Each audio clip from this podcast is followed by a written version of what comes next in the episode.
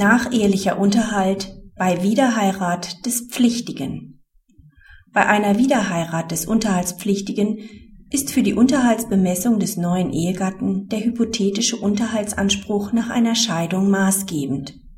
Beruht die hypothetische Unterhaltsberechtigung auf 1570 BGB, bleiben bei 1570 Absatz 2 BGB elternbezogene Gründe die auf der Rollenverteilung in der neuen Ehe beruhen, grundsätzlich außer Betracht.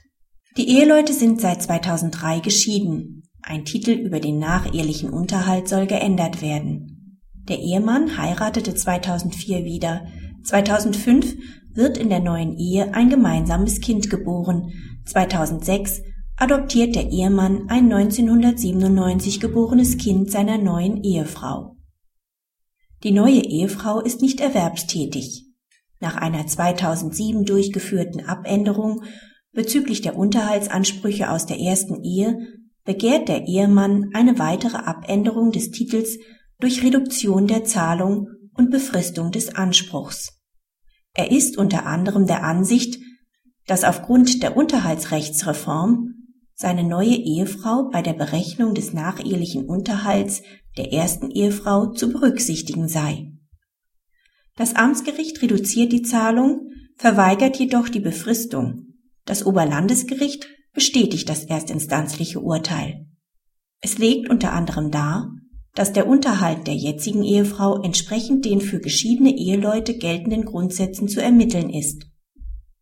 Der Ehemann legt Revision ein. Der BGH weist die Revision zurück, der Unterhalt ist vom Oberlandesgericht im Ergebnis zutreffend ermittelt worden.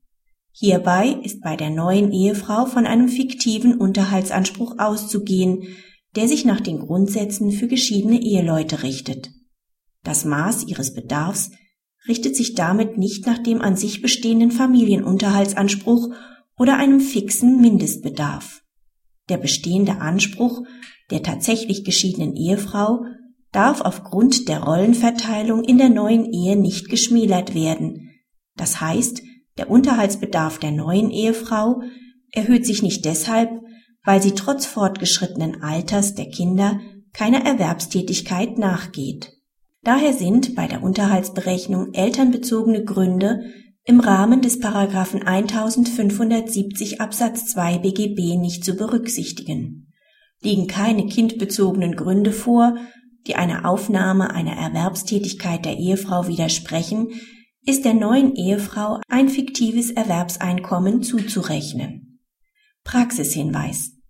Der BGH führt im Urteil zudem aus, dass beim Aufstockungsunterhalt allein das Inkrafttreten des Paragraphen 1578b BGB keine Änderung der wesentlichen Verhältnisse darstellt. Das liegt daran, dass der Aufstockungsunterhalt bereits vor dem 1. Januar 2008 bei Vorliegen der Voraussetzungen nach 1573 Absatz 5 BGB alte Fassung befristet werden konnte. Daher ist ein Abänderungsbegehren beim Aufstockungsunterhalt besonders sorgfältig zu prüfen.